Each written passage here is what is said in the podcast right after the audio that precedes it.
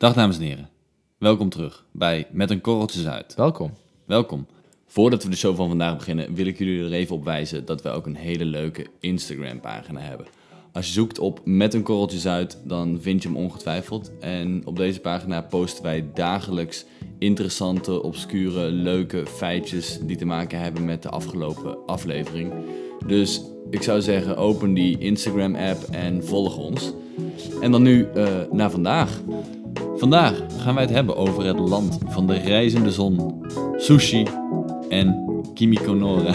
ik weet niet hoe die Hikikomori. idioten heten. Die gasten heten Hikikomori. Dames en heren, jongens en meisjes, bakkel op, ga ervoor zitten, pak iets te drinken, sla je vrouw om de arm, sla je man om de arm en luistert u mee.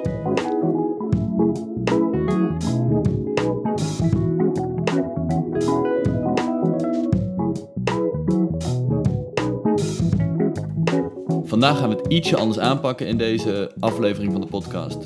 Ik ga vandaag eigenlijk Max interviewen. Als in, we gaan gewoon een gesprek hebben. Het wordt allemaal niet heel serieus.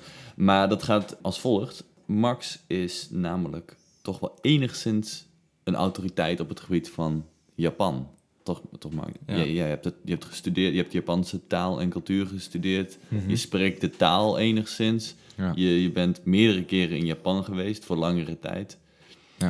Ja. Dus, Na één keer voor langere tijd, maar ik Ah. ben wel meerdere keren daar geweest. ja, dus je bent meer dan de, de gemiddelde toerist die daar een sushi-bar is binnengewandeld. En eh, ook eh, drie eh, manga-tekeningen gekocht heeft. Ja, ja dat, ik denk dat dat mogen we toch wel volmondig stellen. ja. Dat er geen Ja. valse bescheidenheid hier. ja, je bent gewoon een autoriteit. gewoon. Ja, ben gewoon een autoriteit. Top. Dus daar kunnen we wel wat mee. Ik ehm, kwam erachter, volgens mij is dat vrij eh, bekend. Japan heeft een, een vrij aparte cultuur. Te- Ja. Voor ons met, als westerling, Ja, ja, dat met onze bril op. En Japan heeft een probleem als land. Dus ik denk dat we het daar vandaag over gaan hebben. Eh, Lijkt me alleraardigst. eh, de cultuur van dat land en wat voor problemen daaruit voortkomen. Laten we eens even beginnen bij de Japanse cultuur. Kun je daar wat over vertellen? Wat, wat, wat moeten wij daarvan weten en in hoeverre Mhm. verschilt dat van de onze? Dat is een Ehm, brede vraag natuurlijk. Ja, is een brede vraag. Nou, eh, om te beginnen zijn de Japanners met meer dan wij. Als in, Ja. er zijn gewoon meer Japanners dan Nederlanders. Hoeveel Japanners? Bijna 127 miljoen. Japan is, heeft een mono-etnische cultuur. Kun je wel zo stellen. Er zijn weinig buitenlanders. Ja. Het is een eiland. Het heeft heel veel invloed eh, op de cultuur. Het is heel modern. Extreem modern. En ook heel erg geurbaniseerd, toch? Volgens mij woont bijna iedereen in de stad. Ja, ik heb wel eens gelezen dat 50% van de mensen op 2% van het land woont. Jee. Ja, dus dat ja, is... eh, ja, dat, mensen wonen allemaal in steden. En er liggen nogal wat grote steden. Tokio, Ja, ja, dat is... eh, Als het niet de grootste stad ter wereld is, dan is het wel één van de grootste steden ter Ja. wereld. Dan heb je nog Kyoto, Osaka. ja, want de rest is ook heel erg eh, heuvel, of ja, zijn gewoon bergen Ja. en bossen. Ja, volgens mij bestaat het hele land gewoon uit bergen. Ja, Ja, je hebt, nog, je hebt wel wat vlakke stukken erin, maar voor de rest is het gewoon bergachtig. Ehm, dus heel modern en allemaal in de stad. ja, Japanners hebben een sterk maatschappelijk verantwoordelijkheidsgevoel. Mhm. En ik denk dat er, maar dat heeft mede ook te maken door die, door die, die mono-etnische cultuur. Die voelen zich sterk verbonden aan, eh, aan elkaar en aan het land. Mhm. Anders dan dat dat, dan dat, dat in Nederland is. Dus veel meer het gevoel van een eh, community, of hoe zeg je het, samen, ja, Ja, ja, een soort saamhorigheidsdingetje. veel meer dan dat wij dat in Nederland hebben. Minder Eh, individualistisch. Ja, nou, nou, het, het gekke is dus, de Japanner die is individualistisch, Mhm. maar wel met een sterk ja, maatschappelijk verantwoordelijkheidsgevoel, zoals ik zeg. Hè? Dus de staat, dat moet allemaal, je moet je aan de regels houden, Ja, eh, je moet je gedragen. Eh, eh, sociaal onwenselijk gedrag, dat is, dat is duivels en ja. dat is allemaal niet, niet aan de orde daar. Of in Ja. ieder geval niet in die mate zoals we dat hier in Europa of in andere delen van de wereld hebben. zeg maar met mijn westerse naïeve blik. Ik, ik weet natuurlijk vrij weinig van Japan, ik ben daar nooit geweest. Heb, heb ik toch het idee dat Japan. Jij bent daar wel geweest. Heb je Ja, ja, klopt trouwens. Ik ben er wel geweest. Sorry, luisteraar. Ik ben ooit twee uur in Japan geweest op het vliegveld. Hele ervaring. Maar wat ik wou zeggen, ja, als iemand die dus, nou, los van de twee uur op het vliegveld, nooit in Japan is geweest, heb ik toch het idee dat Japan een extreem strak georganiseerde staat is. Ja, dat is echt belachelijk. Je hoort wel eens op het nieuws dat er dan dat treinen zeven seconden te laat zijn, dat daar dan een, dat dat een probleem is. Ja, ja dan, eh, dan, eh, dan bieden ze gewoon publiekelijk hun verontschuldigingen aan. Als die, als die treinen echt, eh, echt te laat komen. En echt te laat, dan hebben we het dus over alles meer dan een minuut. Hè? Dus ja, dat is allemaal mega strak georganiseerd. Maar goed, je moet je ook voorstellen, in Tokio alleen, daar wonen eh, 32 miljoen mensen. Nou ja, organiseer dat maar eens een keer fatsoenlijk. Om iedereen naar zijn werk te krijgen, om iedereen eh, hè, zijn eten netjes in zijn, in zijn mond te krijgen, om iedereen eh, te voorzien van, van alle eh, levensbehoeften. Ja. En moet je dat wel een beetje strak organiseren. Nou, en dat, dus dat, hoe heet dat? Het openbaar vervoer daar. Ja, goed, dat is daar, het is daar een onderdeel van. Ja. Maar Japan, het is akelig hoe, hoe iedereen daar gewoon van soorten met, dus even tussen twee haakjes, van alle gemakken eh, voorzien is. Gewoon de dagelijkse gemakken. Om de drie meter staat er een drinkautomaat. Dus dorst, eh, volgens mij bestaat het helemaal niet in Japan. Alles is gewoon mega strak georganiseerd. Ja, het- het- het- je wordt overal begeleid, geholpen. eh, Ja? Iedere machine praat tegen je. Als er eventjes in een wijk geen boom geplant kan worden, dan hangen ze wel een, een, een, een hoe- hoe heet dat? Is een speaker op, waar dan weet je, Ja? Zo'n zo vogeltjesgeluid doorheen, dat je toch nog een beetje het idee hebt dat je mens bent. En ehm, ja, dat, volgens mij maakt de mensen dat ook ontzettend eh, passief. Als altijd maar alles voorgekoud wordt en wat je moet doen. En, Ja. eh, ja. Maar wat vindt de Japaner daar zelf van? Of hebben, hebben die niet zo door dat dat... Eh, ik bedoel, ja, een- speaker met vogelgeluiden, dat is toch mhm. objectief raar, lijkt me. Om dan het, het gevoel te creëren dat je toch een soort van in de natuur zit. Ja, maar kijk, even voor de goede orde. Wat allemaal raar is en, en wat niet, dat, daar, zullen, daar zullen wij het met een Japaner natuurlijk nooit over eens worden. Nee, Eh, ja, goed, en hij ook niet met ons, want we hebben gewoon een verschillende cultuur. ja. Waren het niet dat Japan, een, een Japanner, die heeft natuurlijk eh, die heeft veel minder mensen om zich heen met een andere cultuur. Want daar wonen bijna geen buitenlanders. Ja, er woont wel een, verdwaalde Iranees en nog eh, drie Brazilianen. Ja. Dan heb je het ook. Dus waar een, Nederla- een Nederlander zal veel sneller geconfronteerd worden met de, eh, ja, zeg maar de beperkingen van, on- van onze cultuur, dan dan een Japanner dat wordt. Omdat iedereen gewoon Japans is en iedereen dezelfde cultuur heeft. Maar hoe komt het dat daar geen buitenlanders wonen? Ja, die, die, die eh, laten dat niet toe. Gewoon grenzen dicht. Du- Dus eigenlijk zijn ze daar, ehm, ze hebben daar een immigratiebeleid waar Geert Wilders of een, een Salvini of een Marine Le Pen zijn vingers bij aflikt. Ja, ja maar echt. Ja, Heerlijk. Het is ook nog een eiland. Nou, ik denk dat eh, Geert Wilders niets liever wil dan eh, de grenzen doorzagen bij Duitsland en ons een Middellandse Zee in, of eh, wat is het, de Noordzee indrukken, ja. zodat we ons eigen ding kunnen bepalen. Maar eh, ja, dat eh, zeker. Wat betreft immigratie zijn die gasten eh, vergelijkbaar met eh, extreemrechtse politici, politici in, eh, in Europa. Absoluut. Zie je dat ook terug in de, de Japanner zelf? Gewoon de, de, de, de normale...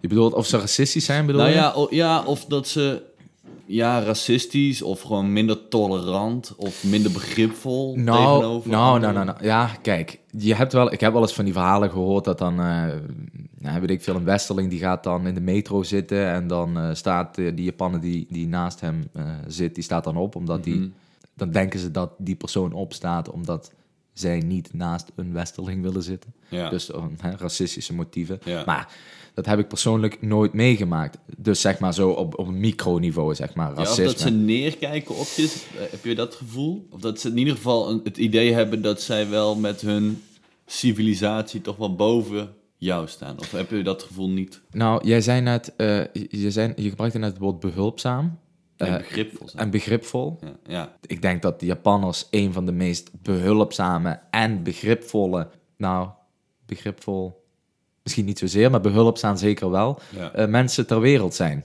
Ja. Want eh, ja, ni- niets is te gek. Als je die mensen vraagt, dan eh, voelen ze zich eh, bezwaard als ze daar niet op een normale manier antwoord op geven. Maar dat is natuurlijk interpersoonlijk. Je moet je voorstellen als jouw land en jouw cultuur zich gedurende de hele geschiedenis op een eiland heeft bevonden. Ja. Waar pas vanaf de 17e eeuw een keer drie Nederlanders aan mochten meren om, om een zak rijst te, te ruilen. En, en nog wat Portugezen.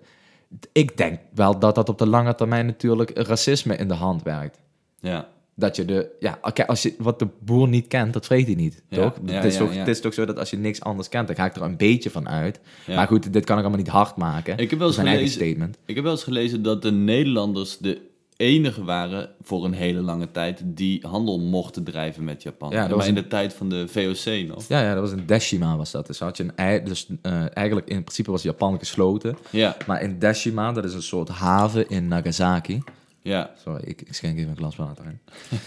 dat is een haven in Nagasaki. Daar mochten ze aanmeren en dan mochten ze, mochten ze handel drijven. Maar alleen de Nederlanders. Ja, de Nederlandse en de Portugezen ook, maar gegeven moment de Portugezen niet meer, want die waren iets te druk met het verkondigen van het katholicisme. Dus eh, toen bleven de Nederlanders alleen over. Dus alleen maar daar. Dus die mochten niet. Je kon, het, het was niet zo dat je daar aanmeerde met je, met je, met je manschappen en dat je dan even lekker eh, eh, een weekendje Nagoya of ik zeg Nee, maar wat, nee, even een weekendje Nagasaki kon doen. Dat kon niet. Nee, Dus wel altijd gewoon op een afstand. En dat is het. De Japanner is wel. zijn wel behulpzaam. ja, maar zijn, zijn behulpzaam, maar wel heel behouden. Ja, dat, ja, dat, ja. dat uit zich in, in de taal, in de, in, de, in de omgang, zelfs in de kleding. Het is allemaal, het is allemaal volgens, een bepaald, volgens een bepaalde code. Nu moet ik wel even voor de luisteraar erbij zeggen dat ik- we hebben het nu over de Japanners, 126, bijna 127 miljoen mensen. ja. Ik moet hier wel enigszins generaliseren om hier nog een coherent Ja, verhaal eh, natuurlijk eh, te vertellen. alle soorten en maten. Ja. Dus als er een Japanner is die er helemaal over struikelt, dan eh, zou ik zeggen, Stuur een Japanse brief naar Max. ja.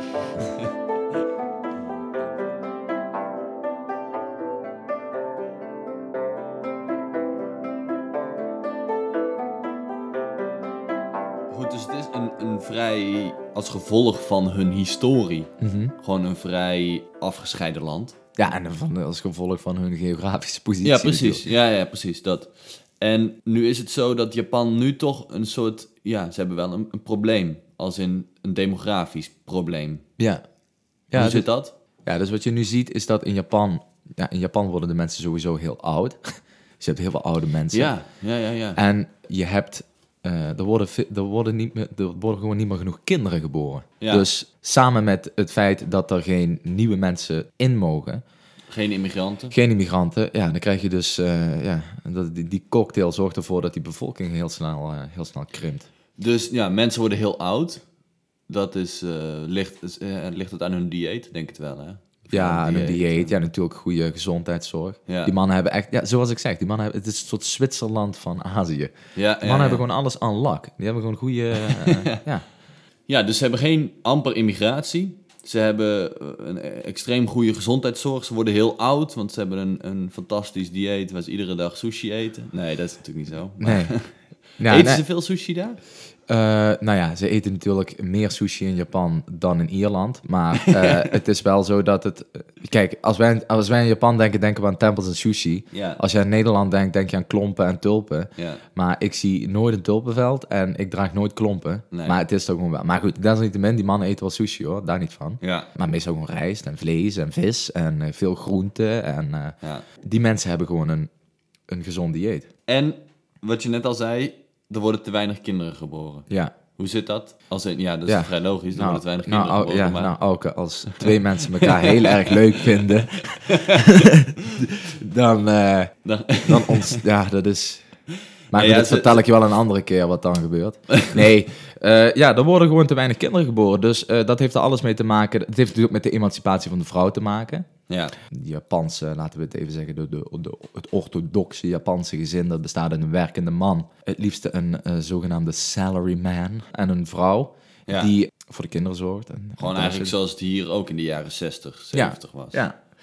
En ja, die, de Japanse vrouw die heeft zich een beetje ontrokken van dat, ehm, van dat, Dat ideaal. ideaalbeeld. Juist. Ja. Ja, die, die zijn gaan werken en die hebben geen zin om, eh, om nog voor een, eh, misschien ook wel terecht, dat weet ik niet, om nog eh, te, te gaan koken voor een man die nooit thuis is. Want dat is ook zo, een Ja- Japanse man die is zelden of nooit thuis.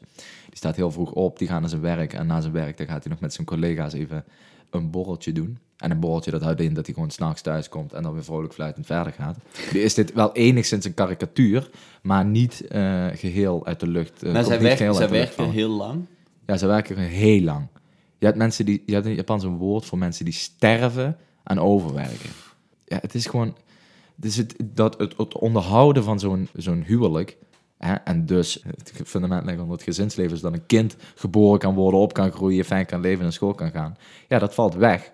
Omdat één, mensen veel te druk zijn met hun eigen carrière, zeg ik het dan even twee- tussen twee haakjes. Ja. En omdat de Japanner, dus daar hadden we het net over, die heeft natuurlijk, die, die is zo behouden. Kijk, die, een Japanner die zal niet zo snel als, eh, als, als bijvoorbeeld een, een Italiaan of een, eh, of een, ik zeg maar wat, een Fransman op een vrouw afstappen en even heel amicaal de dag doorspreken of zo en vragen wat ze later nog gaat doen. Dat, Ja. gebeurt, dat is in Japan gewoon, er zijn bepaalde ja, ja, barrières waar heel moeilijk overheen gegaan kan worden. Dus, dus om het, eh, want dan vat ik het heel even kort samen. Dus eigenlijk, je zegt, ze zijn dusdanig eh, ja, doorgeslagen of, of, of ontwikkeld in dat neoliberalisme van de man en de vrouw werken voor hun geld. eh, Ja. Emancipatie van de vrouw, die gewoon haar- eigen boontjes wil kunnen doppen. Mhm. En daarnaast zeg je, ze zijn een soort van schuw om op elkaar Ja, af te ja, stappen. dat is het goede woord. Ja. Ja. Schuw. Het is gewoon moeilijk om op de manier zoals eh, dat misschien gebruikelijk is in Europa een relatie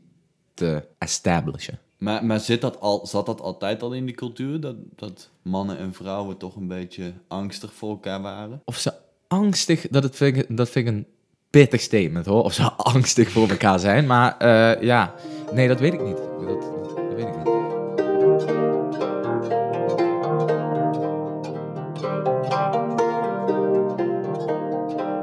nu zie je dat dus wel. Dat, het, dat mannen en vrouwen het moeilijk, hebben, moeilijk vinden om op elkaar af te stappen. Nou, het, het, je zou het eigenlijk heel gechargeerd, zeg ik er nu bij, voor de luisteraar, zou je het zo kunnen zeggen, dat de Japanse man niet in staat is om de emanciperende vrouw Te behagen. Te, ja, te behagen. Ja, en ik dat la- het misschien ook wel helemaal terecht is dat die vrouwen denken, ja, die Japanse man, met alle respect, maar ik ga lekker bij Nissan eh, de, weet ik veel, de data eh, Analyseren. analyseren. Ja. Maar ik of ik word ik- dokter of zo, weet ik veel. Ik, Ik las ook dat het, dat, het, ehm, Ja. dat het heel eh, gebruikelijk is om het prima te vinden Mhm. als persoon om gewoon single te zijn in je, terwijl, terwijl je 35 bent. Ja. En dat je het helemaal oké vindt om gewoon lekker in je eentje geld te werken Ja. en in je eentje een, een appartementje te Juist. huren.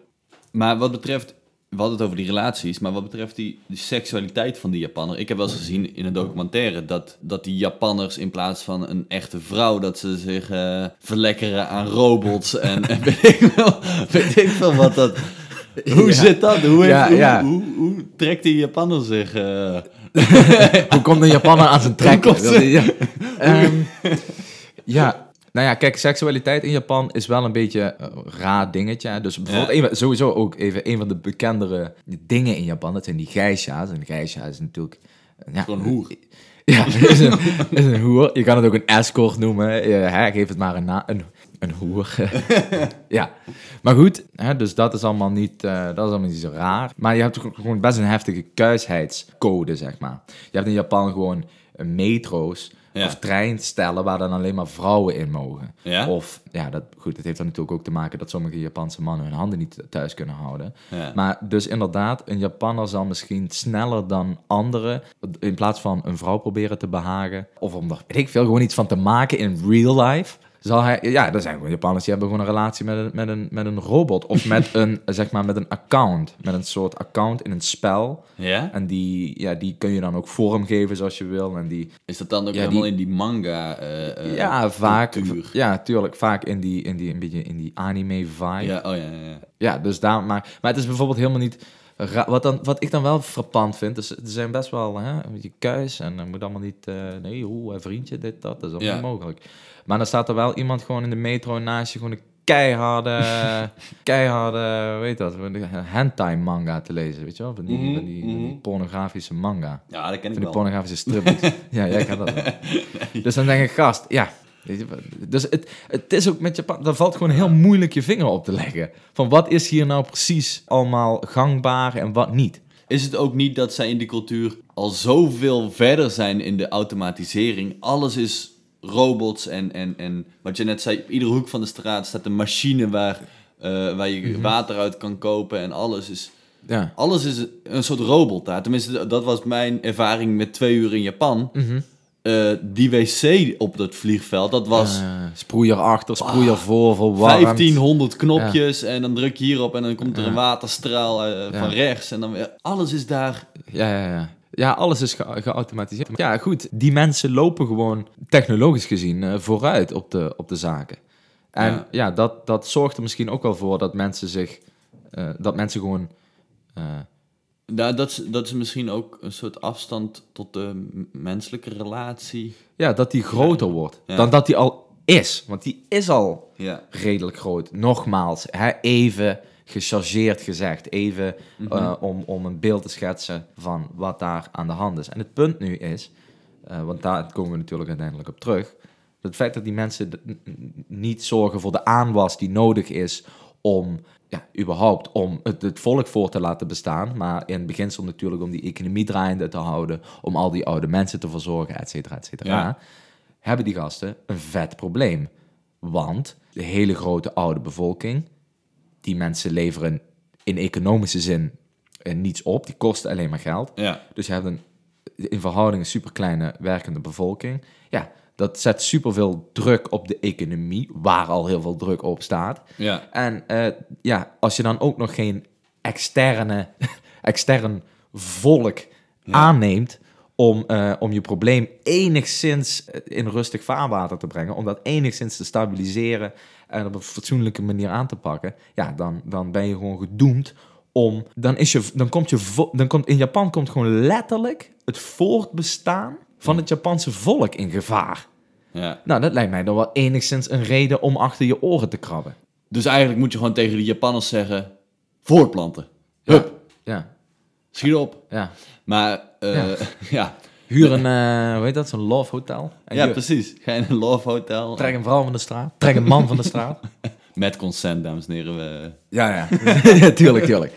Nee, alles met concept. Eh, maar goed, eh, alle gekkigheid op een stokje. Jij, jij kent natuurlijk wel een aantal Japanners. Hoe, hoe denken zij daarover? Of is dit, is dit ook een topic waar je niet over praat?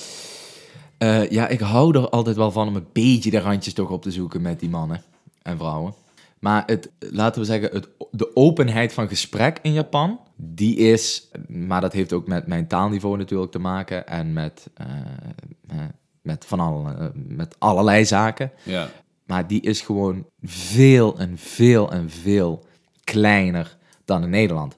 Waar je met je collega die je een dag kent gewoon eh, over zijn onderbroek praat, laten we het zo Ja, zeggen. over hoeveel ecstasy-pillen je op Lowlands in je bek ja, ja, juist, juist. Nou, dat is gewoon helemaal niet, eh, afgezien van een paar uitzonderingen, aan de orde in Japan. Dat is, ik, heb daarna, ik, was, ik zat daar zes maanden, had ik het nog steeds over kaas en klompen. Dan denk ik, ja, we kunnen nu wel enigszins even de diepte in, hè, man. Ja, ja, ja, ja. Maar het, het, het, het is dus ook zo dat er, zelfs Japanners onder elkaar, dus je hebt, eh, wat, in Japan is die hiërarchie heel erg. Op, op, op universiteiten, maar ook op sportclubs, is er, heb je een sensei, dat, dat woord ken je misschien, dat is je leraar. Ja. En je senpai, dat is je tutor. Maar je tutor, dat kan gewoon iemand zijn die is even oud eh, als jij. Of ik veel, een jaar ouder of zo. Dan zit ik dan met mensen in een bar, weet ik veel, een, een vriend van mij en, een, eh, en, en, en zijn tutor. Ja. En van, oh, eh, leuk. Maar hè? zijn tutor, wat, Ja, zijn gewoon tu- op- dat is een van soort- de universiteit. Ja, nee, maar je, je, je, je senpai, dat is eigenlijk ook een- een soort, dat is eigenlijk een ander woord ook, als in je, je meerdere, zeg maar, je... Oh, dat heeft niet per se iets met de universiteit te Nee, dat heeft, nee, nee, nee, nee, nee, nee. Gewoon iemand die dat wat jij aan het doen bent al een keer heeft meegemaakt. Of dat nou is dat hij een jaar ouder is, of dat hij een, een hogere judo-graad heeft, of hij is, zit een jaar verder in zijn eh, microbiologie-opleiding, of whatever. Ja, ja, ja. Of hij is eh, senior consultant maar in plaats van junior iedereen consultant. een eigen... Kies je ook... Nee, ja, je hebt Ja, natuurlijk meerdere. Dus je hebt op je judoclub heb je een andere senpai en op je Ah, werk heb je een andere eh, senpai. Ja, ik weet trouwens niet of je werkt, daar heb ik geen ervaring mee. Maar daar heb je gewoon, Ja. je, hebt gewoon je, me- je meer, je. Oké. Dat is daar een dingetje. Ja. Daar, we hebben een hele horizontale cultuur. Hè? Ja, dus ja, je zegt gewoon tegen je baas, kun je in Nederland in de meeste gevallen gewoon eh, je en jij zijn. Ja. Maar goed, daar heb je dus dat. En dan zit ik in een bar en dan zeg ik, oh, eh, lachen, dat is jouw eh, senpai en dit en dat. En dan zeg ik, ah, het is wel leuk dat jullie dan zo'n goede vrienden zijn. En dat je dan met je tutor zo'n goede vrienden Ja, kan ja, zijn. ja. Ja, maar we zijn geen vrienden. Ja? Hij, is, hij is mijn senpai. Ja, ja oké, maar dezelfde leeftijd, hè, dezelfde, hè, interesse. dezelfde interesse, hobby, die gaan met elkaar drinken. Nee, zijn toch vrienden? Nee, nee. Hij is mijn senpai. ja, maar en dan moet je helemaal zo... En dan, uiteindelijk dan is het van... Ja, oké, we, we, zijn ook wel, we zijn ook wel vrienden. Wat ik daarmee dus probeer te schetsen... is dat er gewoon... Die, er is zo, die cultuur is zo gelaagd. Ja, ja, ja. Het is extreem gelaagd. Ja. Je praat op een andere manier. Dus wij hebben het, het enige verschil wat, wat wij kunnen aanbrengen in onze. eh, om te spreken tegen een superieur iemand of een, eh, of een gelijkgestelde. is u en jij. Ja. Maar zij kunnen, eh, ze hebben ook nog een manier om tegen een inferieure te praten. En dan ook weer in drie verschillende lagen. En, in, eh, en in, om tegen je baas te praten. En om tegen de baas van je baas te praten. Of om tegen een klant te praten. Allemaal, het zit allemaal super complex in elkaar. Ja. Eh, heel veel mensen beheersen dat ook niet helemaal zuiver tot in de puntjes. Maar het is ook gewoon een totaal andere taal verder. Maar dat ik wil, dus wat ik even probeer te schetsen, is die gelaagdheid daarin. Dus, en die, die gelaagdheid, ja. die komt ja, ook gewoon terug in, in, in een vriendschap. Ja. Als je al, zeg maar, een hele fundamentele vriendschap kunt opbouwen met iemand waar je, dat kan natuurlijk wel, maar om, met iemand waar je niet op een extreem, laten we zeggen, diep niveau mee kunt communiceren. Ja. Nou, ik heb één leraar bijvoorbeeld, die had tien jaar in Japan gewoond.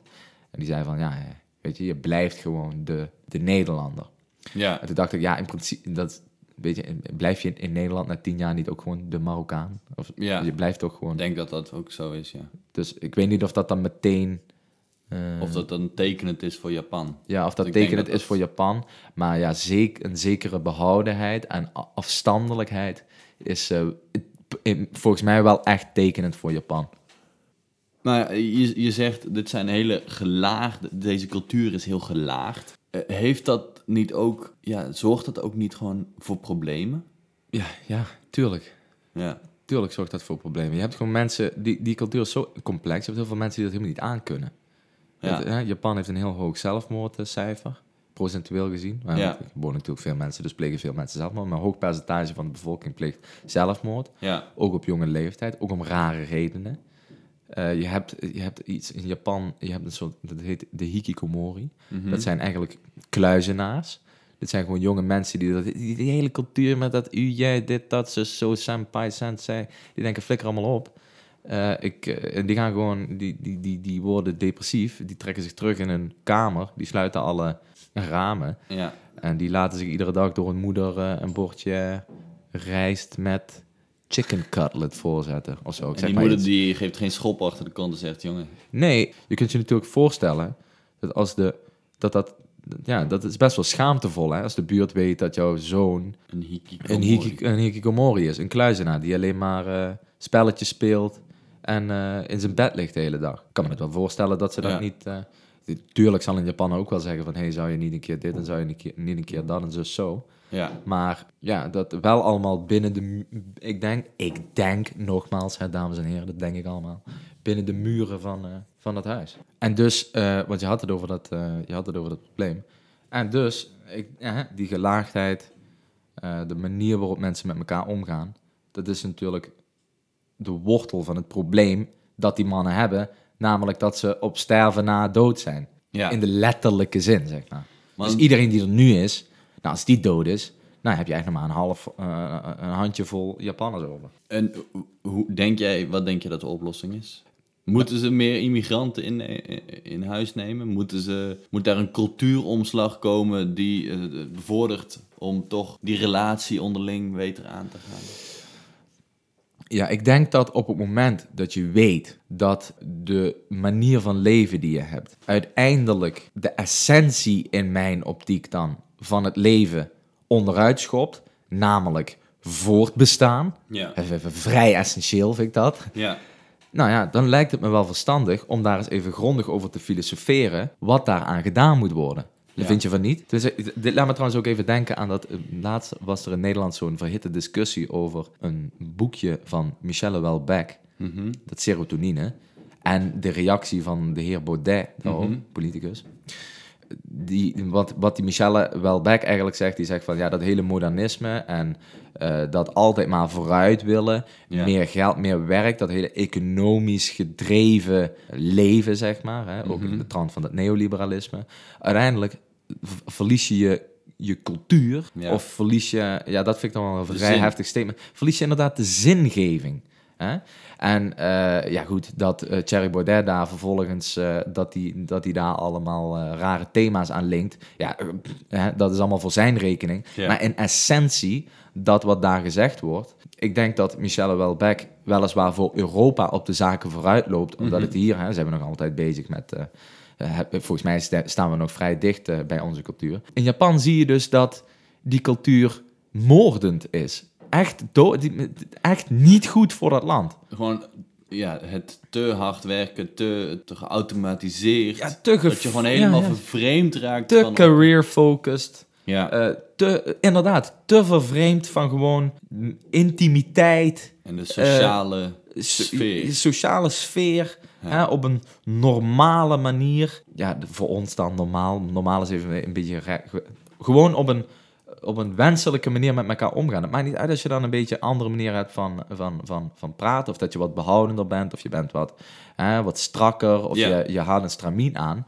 Maar dat moet niet, dat moet niet doorschieten, zeg maar. En je, en je denkt dat het in Japan wel doorgeschoten is. Nou, ja. ik denk dat Japan wel een van de eerste voorbeelden is waar dat, waar dat, ja, ik hoop ook het enige voorbeeld, waar dat gewoon aan het doorschieten is. Als je aan een Japanner op straat vraagt van een jaar of twintig, van hey, hoe zie je nou als je 65 bent?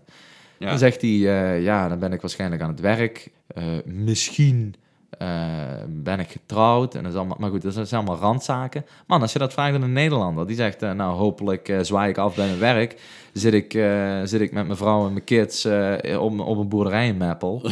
en drink ik iedere, iedere ochtend een glas, een glas melk. Eet ik mijn printaartje. En dan ga ik een beetje schoffelen of een boekje lezen Ja. of eh, weet ik veel. Dan ga ik, op de, ga ik een volkstuin omploegen. Ja. Dus het, het, het- dat, dat beeld hebben zij, al, zit voor hun anders in elkaar. Ja, ja, dat. Dus, die zijn wat mij betreft door. een beetje de essentie. Dus, dus eigenlijk, ehm, we hebben het in een andere podcast over Kiribati gehad, die ten onder gaat als gevolg van de klimaatverandering. ja. Japan gaat eigenlijk ten onder als gevolg van eh, een doorgeschoten eh, neo, neoliberalistisch eh, gedachtegoed. Of een, neoliberalistische cultuur waarin het werk en de automatisering dusdanig ver voorop staan dat het land zichzelf eigenlijk de afgrond in werkt. Ja, daar ben ik. Ja, ik hou niet zo heel erg van doemscenario's. Moet ik wel zeggen dat deze podcast ook redelijk, redelijk doemscenario eh, heeft geschetst. Maar ik denk dat het wel, het gaat wel die kant op. Snap je? Het is Ja, wel een ja. trend. Er is geen enkel land ooit geweest die zo snel eh, zijn bevolking eh, verliest. Ja, goed. Los eh, van oorlogen. ja, ja, los van oorlogen en waarschijnlijk eh, Italië, eh, of toen hier de pest was. Nou, dat zal ook wel redelijk snel gegaan zijn. Maar even, die dus hè, met natuurlijke sterfgevallen zo snel... zijn bevolking, Zijn bevolking, het, eh, eh, decimeren is. Ja. Maar ik wil wel nog even afsluiten met een positieve noot, hoor. Ik denk dat we heel veel kunnen leren van Japanners. Die mannen zijn extreem kwaliteitsbewust. Mhm. Ze, zijn, ze hebben omgangsnormen die, eh, zeg maar, in de eh, onpersoonlijke sfeer... Dus als ik naar een balie loop, word je gewoon fatsoenlijk geholpen. Ja. Je, eh, nou, dat is in Nederland ook wel, maar ze, zijn, ze gedragen zich netjes. Ze stelen over het algemeen niet. Ehm, Criminaliteit. is criminaliteit is gewoon laag. Mhm. Eh, mensen zijn zich bewust van het feit dat ze geen vuil op straat moeten gooien. Ja. Gewoon mensen niet lastig vallen. en ik denk dat we daar misschien nog wel wat van kunnen leren. Oké. En het zijn ook gewoon hele aardige mensen, laten we, laten we wel zijn. Ja. Vriendelijke gozes. Lekker eten. En de sushi. Kunnen we... Ja, de sushi is lekker. Sushi is Nu is het wel zo, en dan klink ik weer heel snobistisch. Ik heb gisteren gewoon nog al you can eat sushi gehad. Dus eh, plaats dingen wel even in perspectief. Maar die sushi die je daar krijgt, dat is echt alsof een engeltje op je tong pist. Top Max, dankjewel. Ik heb hier eh, veel van geleerd. En ik hoop onze luisteraars ook. Mocht je dit nou een leuke podcast vinden, dan zou je ons enorm helpen als je even in de podcast-app die je gebruikt, dat kan de, de, van, van Apple zijn of, van, eh, of gebruik je de, de Spotify-app, geef ons dan even vijf sterren. Laat een lo- lovende review achter. Zo vinden, kunnen andere mensen ons ook sneller vinden. Wil je hierop persoonlijk reageren, dan kan je ons ook e-mailen. Dat kan naar korreltjesuit, apenstaartje, gmail.com. In ieder geval bedankt voor het luisteren. En hopelijk eh, luisteren jullie de volgende keer weer. Dan gaan we weer eh, een ander onderwerp aansnijden. Dank jullie wel. En hoe zeg je in het Japans bedankt en tot ziens? Mata kondo onegai shimasu.